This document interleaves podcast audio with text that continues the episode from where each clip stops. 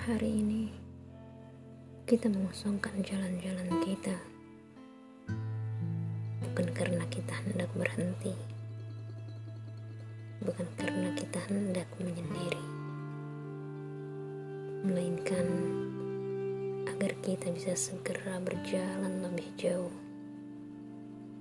Melainkan agar kita bisa segera berjumpa saudara-saudara. Setiap pelanggaran kita akan seruan di rumah aja akan membuat penantian saudara-saudara kita untuk menghidupkan usahanya yang mati suri kian lama. Terbayangkah seberapa besar dosanya?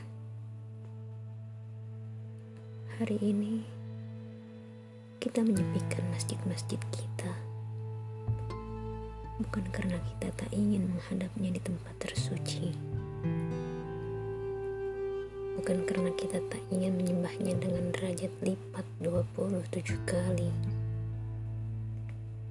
melainkan agar kita bisa segera ke masjid lagi melainkan agar kita bisa segera berjamaah lagi melainkan agar kita bisa segera meramaikannya dengan majelis ilmu dan aneka syiar lagi setiap pelanggaran kita akan seruan di rumah aja akan membuat penantian orang-orang solih untuk menyemarakan lagi masjidnya jadi kian lama. Terbayangkah seberapa besar dosanya? Wabah ini seperti api, kata Amr bin Nas. Si cerdas sahabat Nabi. Dan kita adalah kayu-kayu yang rentan terbakar olehnya.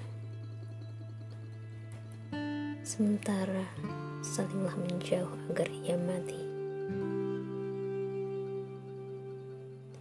Agar kita bisa segera berpelukan lagi.